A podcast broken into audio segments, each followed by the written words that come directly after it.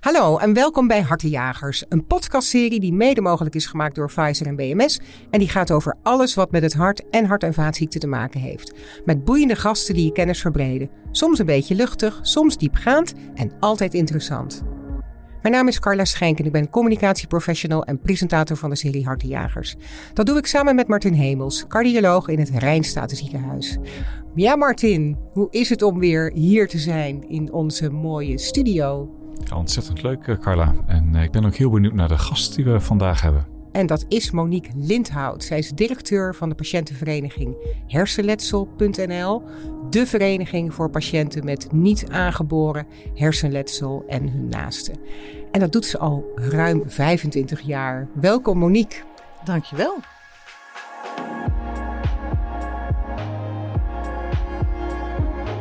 Totaal hebben in Nederland ongeveer 650.000 mensen niet aangeboren hersenletsel. En ongeveer een kwart daarvan is veroorzaakt door beroertes. Een ander punt waarop wij echt als het aller, allerslechtste jongetje van de klas hebben gescoord, is preventie. Daar, daar doen wij nauwelijks aan. Waar wij echt stevig voor lobbyen, eh, doe dat onderzoek naar atriumfibrilleren. Vind je dat om hier te zijn? Uh, ik vind het heel spannend, want het is de allereerste podcast uh, in mijn leven. En maar daardoor ook heel leuk. Ik ben ja. heel benieuwd. Nieuwe ervaring. Kan jij eens iets over jezelf vertellen? Wat doe je bijvoorbeeld als je niet met de patiëntenvereniging bezig bent? Uh, ik moet bekennen dat ik het grootste gedeelte van mijn week wel met de patiëntenvereniging bezig ben. Want het is een fulltime baan en ik vind bijna alles leuk. Dus ik zeg lastig nee. Dus het zijn veel uren per week werk. Maar um, als ik thuis ben, mag ik heel graag lezen, graag tuinieren, uh, reizen uh, en koken. Dat klinkt allemaal heerlijk. Uh, je bent van oorsprong ben je logopedist, gespecialiseerd in afasietherapeut. Nou moet ik eerlijk zeggen dat ik nog nooit had gehoord van afasie. Kan je uitleggen wat een, wat een afasietherapeut doet? Ja, en dan zal ik eerst uitleggen wat afasie eigenlijk is. Um, afasie is een taalstoornis die altijd ontstaat door een hersenletsel, waardoor mensen van het ene op het andere moment moeite hebben met spreken, met lezen, met schrijven en bijna ook altijd met het begrijpen van taal. En waarom dacht jij, daar ga ik me in specialiseren? Voor een deel omdat ik een oma had met uh, afasie. Uh, en daardoor boeide het mij wel van, uh, vanaf het begin. Ja, en voor een ander deel omdat bijna alle mensen met afasie zulke ontzettend leuke, lieve, gedreven mensen zijn. Met, met welke doelgroep wil je liever werken?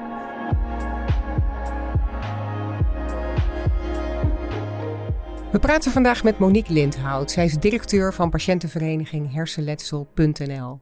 Vandaag hebben we het over niet aangeboren hersenletsel als gevolg van een beroerte.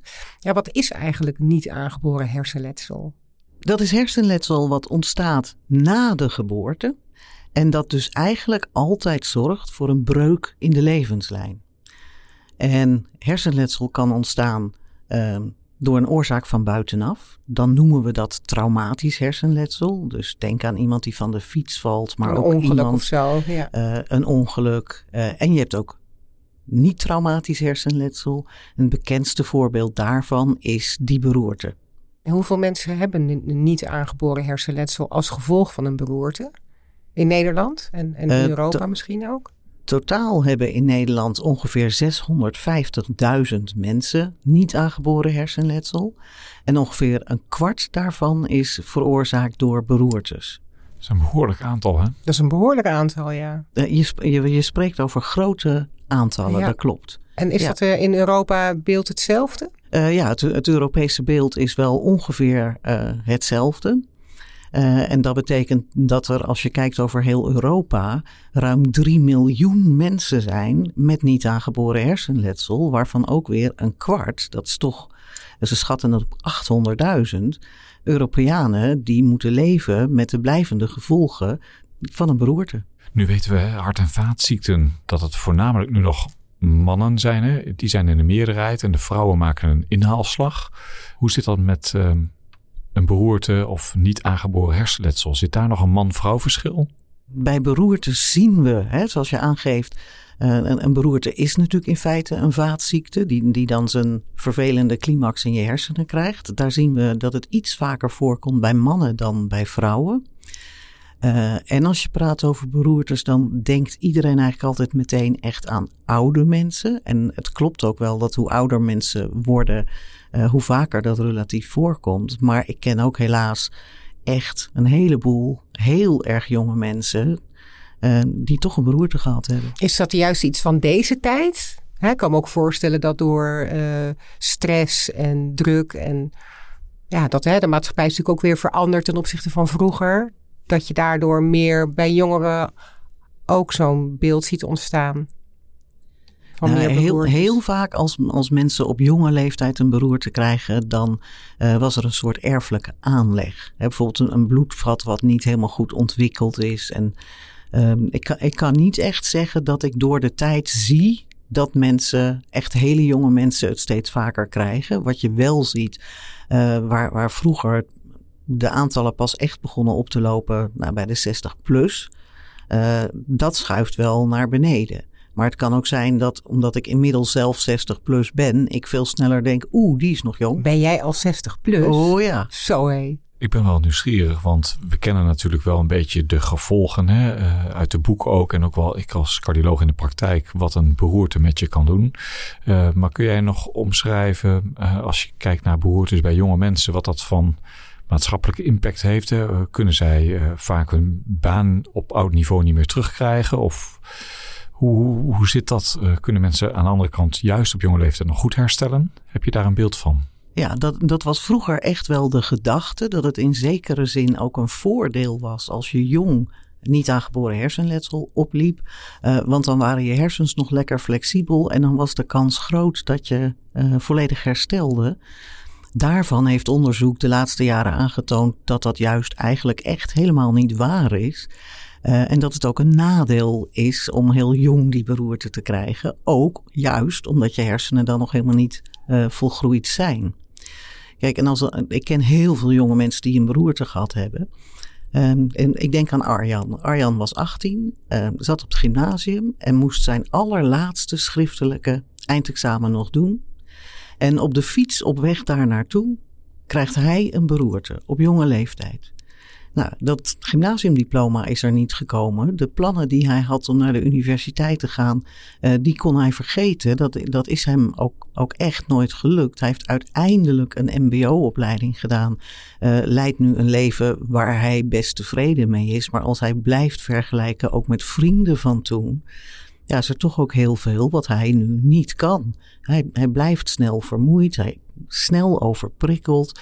Dus dat wat, wat jongeren op die leeftijd doen, uitgaan, lang bij elkaar zitten, laat maken, iets drinken, dat praten, kan hij allemaal niet. Nee. is voor hem allemaal ja, niet meer van toepassing. Je vertelde net dat, dat het meer bij mannen voorkomt dan bij vrouwen. Is daar een verklaring voor? Kijk ik ook Martin even aan als nou, cardioloog. De, de verklaring die Martin eigenlijk gaf. Hè.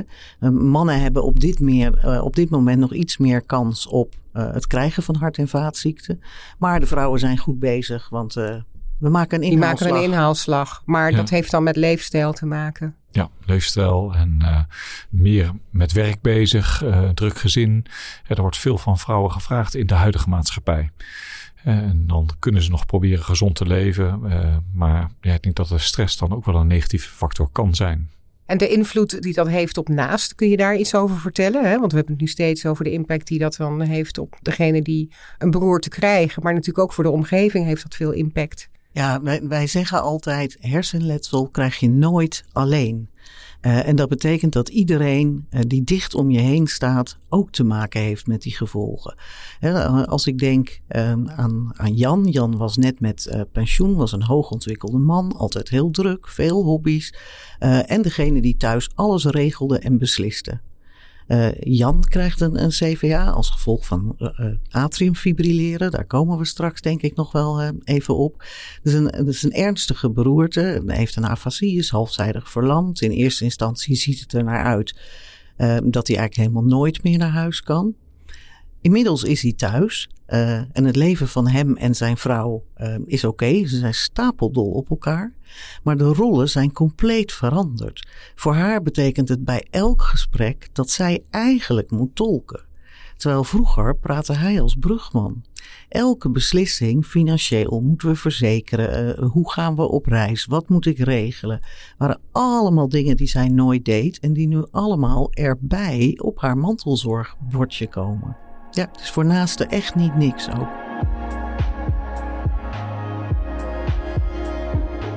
We praten vandaag met Monique Lindhout. Zij is directeur van de patiëntenvereniging hersenletsel.nl. Ja, we hebben al heel wat geleerd zo in het eerste deel van het gesprek. Dat het toch ontzettend veel voorkomt. 650.000 mensen in Nederland met niet aangeboren hersenletsel. Waarvan dan een kwart ehm, ik zeg dan mogelijk voorkomen had kunnen worden. In de zin dat um, het best wel vaak fibrilleren ook is. Of een andere cardiovasculaire oorzaak. Waarbij misschien met eerder ingrijpen, bijvoorbeeld leefstijl, we heel wat ellende kunnen voorkomen. En je vertelde je zojuist met een aantal hele pakkende casus dat ja, het een enorme impact heeft op het leven. En niet alleen voor degene zelf, maar ook uh, voor de naaste omgeving. Wat doet jullie patiëntenvereniging precies? En als ik dat allemaal zou moeten vertellen, ben ik heel erg lang aan het woord. En dat was niet de bedoeling. Uh, maar, maar wat wel interessant is in het kader van dit gesprek, is dat we in het verleden um, eigenlijk nooit iets deden met preventie, omdat we zeiden, we zijn een patiëntenvereniging, dus we zijn er vooral voor al die mensen die het al hebben en hun naasten, om te zorgen dat die uh, de best mogelijke zorg krijgen, zo goed mogelijk uh, eigen regie kunnen houden en een zo prettig mogelijk leven leiden. En de afgelopen vijf, zes jaar zie je een kentering naar dat het eigenlijk goed zou zijn als de vereniging zich ook zou gaan bezighouden met preventie.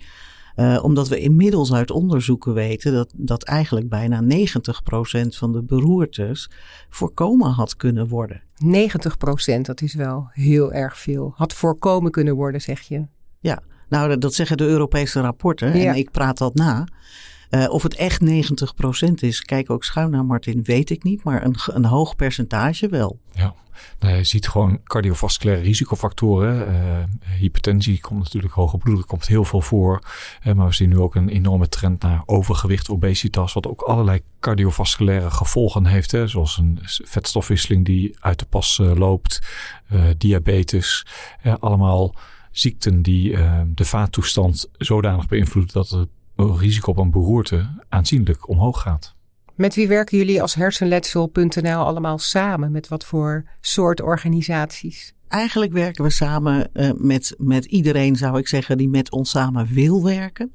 Uh, en dat betekent dat we samenwerken met collega-organisaties, omdat je, hè, Martin noemde net al de diabetes en het overgewicht. En in heel veel aandoeningen zit overlap, uh, ook juist als het gaat om uh, preventie. natuurlijk met de Hartstichting, we maken deel uit van de landelijke werkgroep beroertepreventie. Met de Hersenstichting, met heel veel zorginstellingen, met de afasiecentra, met zorgverzekeraars. Dus het is eigenlijk heel breed. Ja, nou ja, ik kan me ook wel voorstellen dat daar een, uh, fulltime baan tegenover staat, als ik het zo hoor allemaal. Je hoeft je niet te vervelen als je bij onze vereniging nee. werkt. Dat klopt. Ik was wel nieuwsgierig. Je had het net over hè, een Europees rapport. Um, ik begreep ook dat er een, echt een stroke action plan nu is. Hè, dat vanuit Europa geregisseerd er eigenlijk een plan van aanpak is. Of een plan om uh, in de toekomst beroertes te voorkomen. En om met, met mensen die een beroerte hebben gehad ja, betere uh, zorg te borgen. Kun je daar iets over vertellen? Ja, klopt. Ik ben uh, een heel aantal jaren bestuurslid geweest van de internationale patiëntenorganisatie. SAFE heet die organisatie, Stroke Alliance for Europe. En wij hebben toen een onderzoek laten doen uh, door uh, King's College in Londen. Dat heette The Burden of Stroke. En dat onderzoek was Europa breed. Uh, en daar kwamen eigenlijk hele schokkende getallen uit. Hè, zowel over het aantal patiënten, uh, wat enorm zou gaan toenemen door heel Europa. Onder andere vanwege de vergrijzing, vergrijzing natuurlijk. natuurlijk ja. um, als ook de zorgkosten die enorm de pan uit zouden gaan reizen. En dat rapport is door ons gepresenteerd aan het Europees Parlement. En die schrokken daar toen zo van dat ze zeiden: nou ja, dit moet heel hoog op de gezondheidsagenda van de EU komen. Ehm, maar dit rapport geeft problemen aan.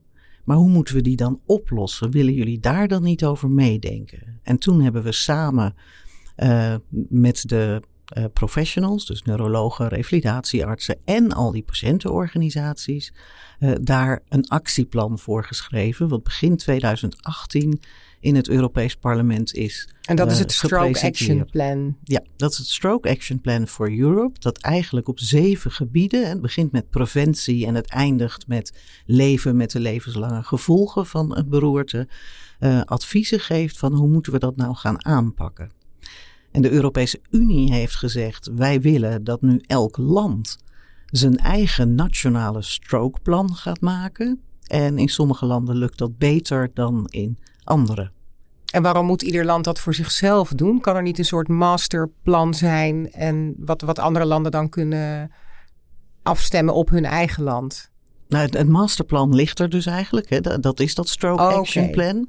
Alleen je zult het moeten gaan vertalen naar wat hebben wij dan in Nederland nodig. Hè, een, een, als voorbeeld, een onderdeel in dat Action Plan is uh, dat je moet zorgen dat de hulp in de acute fase goed geregeld is.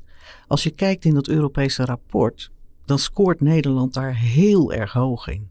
Dat betekent dat dat issue voor ons wat lager op de ladder kan. Daar hoeven wij niet zo heel erg veel aan te doen.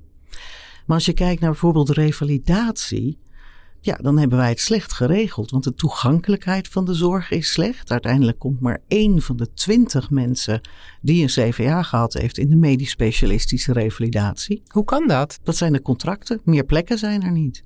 Ah, dus de toegankelijkheid van de zorg is in Nederland een probleem.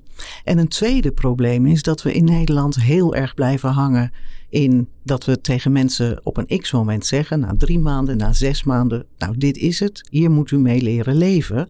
Waar we in landen om ons heen zien uh, dat er eigenlijk nog veel meer behandeling en daardoor ook veel meer herstel mogelijk is. En een ander punt waarop wij echt als het aller, allerslechtste jongetje van de klas hebben gescoord, is preventie. Daar, daar doen wij nauwelijks aan.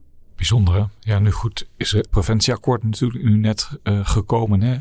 Waarin dus wel meer aandacht gelukkig komt voor lifestyle en het voorkomen van hart- en vaatziekten. Maar ik ben het met je eens dat het. Uh, hè, meestal lopen we in Nederland voorop met dat soort zaken. Uh, maar dat dit echt eens een beetje is blijven liggen. Ja.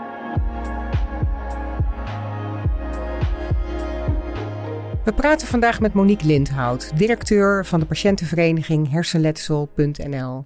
En we hebben wederom een interessante discussie gevoerd, met name over het implementeren van het Europese Action Plan for Stroke in de diverse landen.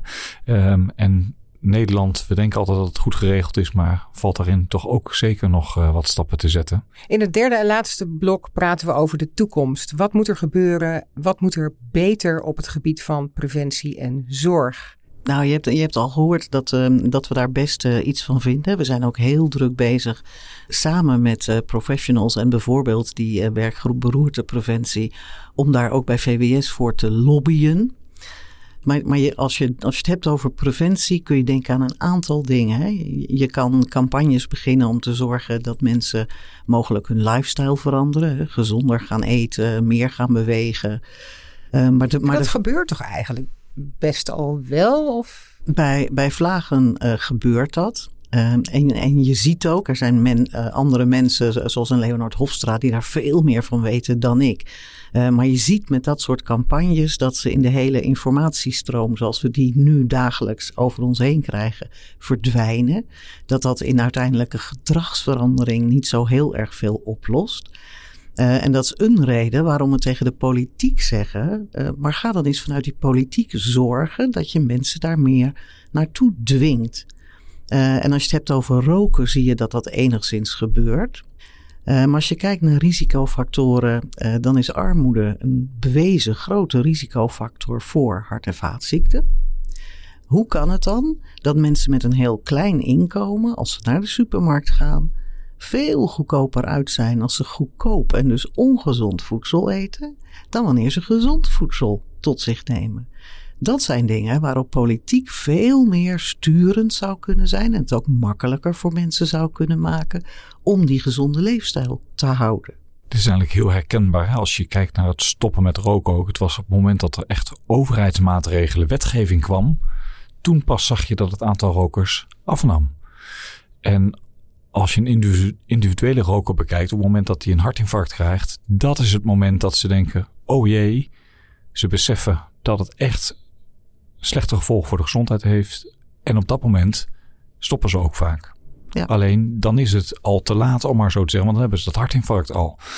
dus, dus ook met die leefstijl ben ik helemaal met je eens. De overheid moet daar veel dwingender in zijn uh, om die kentering te maken. En we kunnen zo mooi vertellen dat een gezonde leefstijl zo belangrijk is. En mensen beseffen het ook wel, maar inderdaad, de daad bij het woord voegen. Ze doen het dat uiteindelijk is het probleem. niet. Nee, als je als overheid gelooft, hè, want dat, dat is natuurlijk wel de trend van de laatste tijd, dat gezond leven belangrijk is, dan moet je het waar je kan ook faciliteren. En daar kun je bijvoorbeeld met prijzen en belastingen iets in doen. Ja. Ik heb ook gelezen dat jij voorstelde om iets met het bevolkingsonderzoek ter preventie wilde doen. Een soort jaarlijkse meting voor iedereen vanaf 65 jaar. Ja, de, dat klopt. Dat is ook onderdeel van de lobby die wij voeren bij VWS. Um, kijk, als je in Nederland kijkt, wij, wij kennen drie soorten bevolkingsonderzoeken. Die hebben alle drie met kanker te maken. Het gaat om borstkanker en uh, om darmkanker uh, en om baarmoederhalskanker. Uh, en, en dat is prima. Hè? Die onderzoeken zijn gratis. De ervaring leert dat ongeveer de helft van de mensen die wordt uitgenodigd daar ook echt aan deelneemt. En dat voorkomt in veel gevallen dat een kanker pas ontdekt wordt als hij veel te ver gevorderd is. Als je kijkt naar de sterftecijfers, er sterven aan CVA per jaar in Nederland meer mensen dan aan die drie kankeraandoeningen bij elkaar opgeteld. En als je kijkt naar wat het veroorzaakt, een CVA is de grootste oorzaak van blijvende invaliditeit in Nederland. Dus er is voldoende reden om te denken: goh, misschien zou het een goed idee zijn om, noem het een bevolkingsonderzoek, noem het een screening, dat maakt mij helemaal niet uit maar om te zeggen vanaf een x leeftijd gaan we toch kijken of mensen uh, hoe het met de bloeddruk is, hoe het met cholesterol is, hoe het met de bloedsuiker is. En uh, de laatste, uh, waar, waar wij echt stevig voor lobbyen, doe dat onderzoek naar atriumfibrilleren. Ja, dat atriumfibrilleren is ontzettend interessant, want dat atriumfibrilleren is niet alleen een teken van een verhoogd risico direct op een herseninfarct, maar het is ook vaak een marker van onderliggende cardiovasculaire problematiek. dus als wij tijdig atriumfibrilleren op het spoor komen, dan kunnen we het onderliggende lijden beter behandelen en hopelijk dus ook heel wat CVA's voorkomen. En, en, en dat heb je niet zomaar bij andere ziekten, dat je voortekenen hebt voordat uh, een ernstig incident als een herseninfarct optreedt. Dus zo'n bevolkingsonderzoek, daar ben jij wel voor, als ik het goed begrijp. Ja, en we zijn er ook wel mee bezig. Ook met de Nederlandse Vereniging voor Cardiologie hebben we een kosteffectiviteitsanalyse laatst gedaan. Om te kijken ja, bij welke groepen moet je dan beginnen en bij welke groepen is het zinvol. want je kunt je voorstellen als je alle 30-jarigen gaat oproepen, ja, dan ga je bijna niets vinden. Dat is een zinloze exercitie, want ja, dan is het niet kosteffectief. Dan winnen we er weinig mee. Maar denk aan die 65 plus en met name 75 plus populatie die enorm aan het groeien is in Nederland. Ja, dat biedt een unieke mogelijkheid om de ziektelast in Nederland te reduceren. Ja, wij, wij, hebben bij de werkgroep beroertepreventie uitgerekend dat als we uh, die, die hele vangst zeg maar zouden doen, hè, vanaf 65 hebben wij meegerekend, dan voorkomen we daarmee in Nederland 5000 ernstige beroertes per jaar. Want een beroerte als gevolg van atriumfibrilleren uh, is vaak ernstig. En dus dat is een stukje primaire preventie. Uh, ik sprak onlangs uh, een jonge man die tussen zijn 28ste en zijn 30ste vier keer een herseninfarct heeft gehad, zes keer een TIA en uiteindelijk kwamen ze erachter dat hij atriumfibrilleren had en dat dat uh, de veroorzaker was. Uh, dus ik weet dat uh, volgens mij. Hoe kan het dat ze, sorry dat ik je in de reden val, hoe kan het dat dat, want je zegt ja, uiteindelijk kwamen ze daarachter. Hoe hoe kan dat eigenlijk dat dat zo lang duurt, dat ze daar achter komen? Ik denk omdat hij in een leeftijdscategorie zat, 829, waarbij je dat niet heel snel verwacht. Klopt, hè?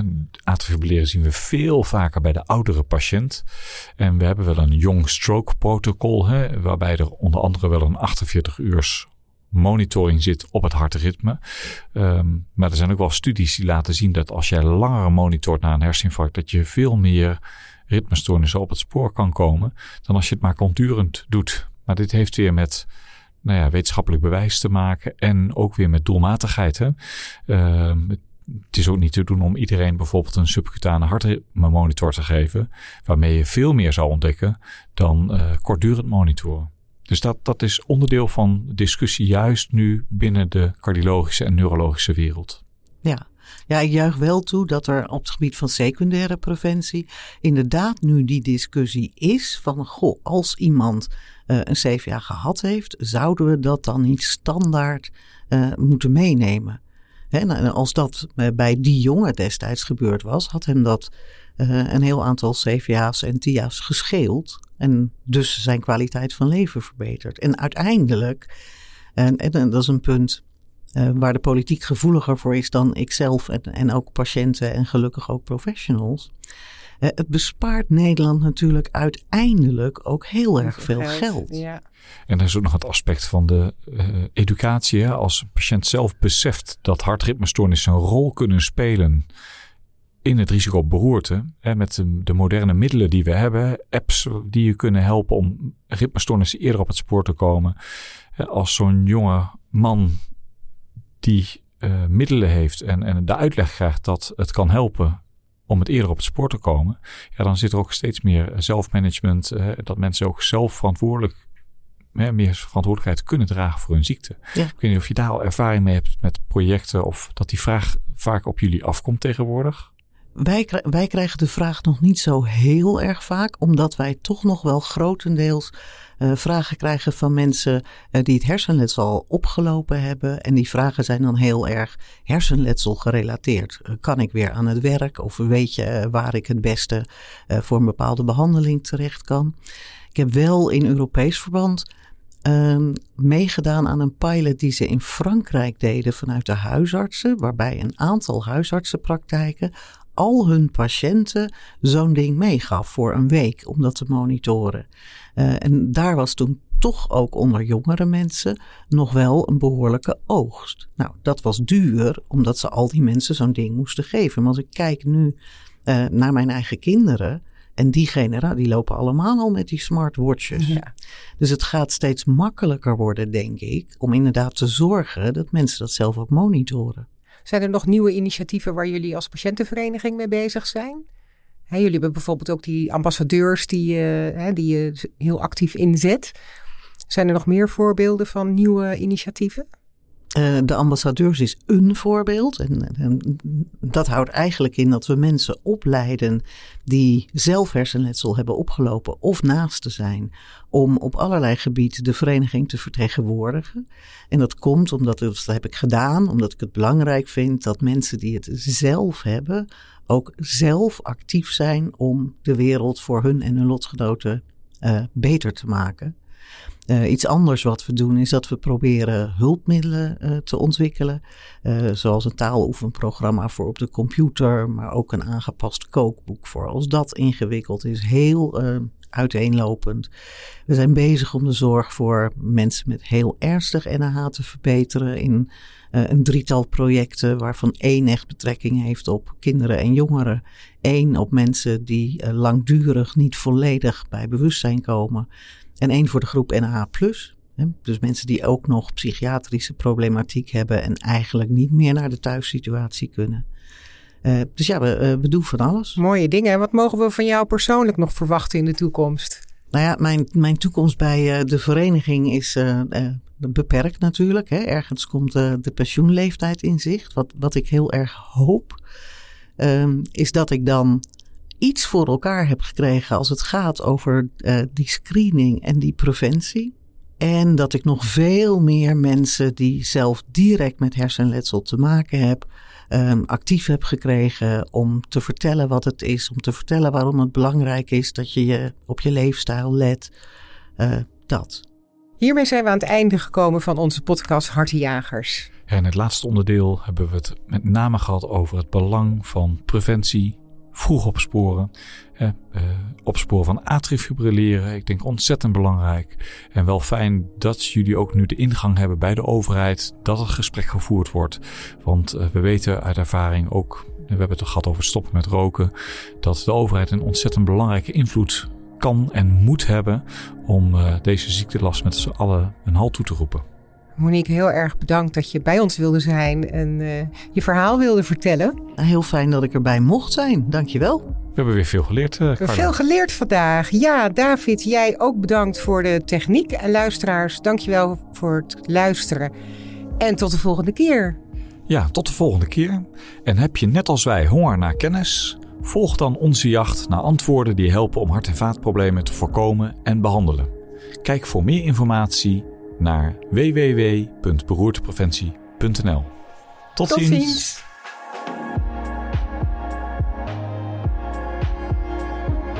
Hartenjagers is mogelijk gemaakt door Pfizer en BMS, doorbraken die de levens van patiënten veranderen.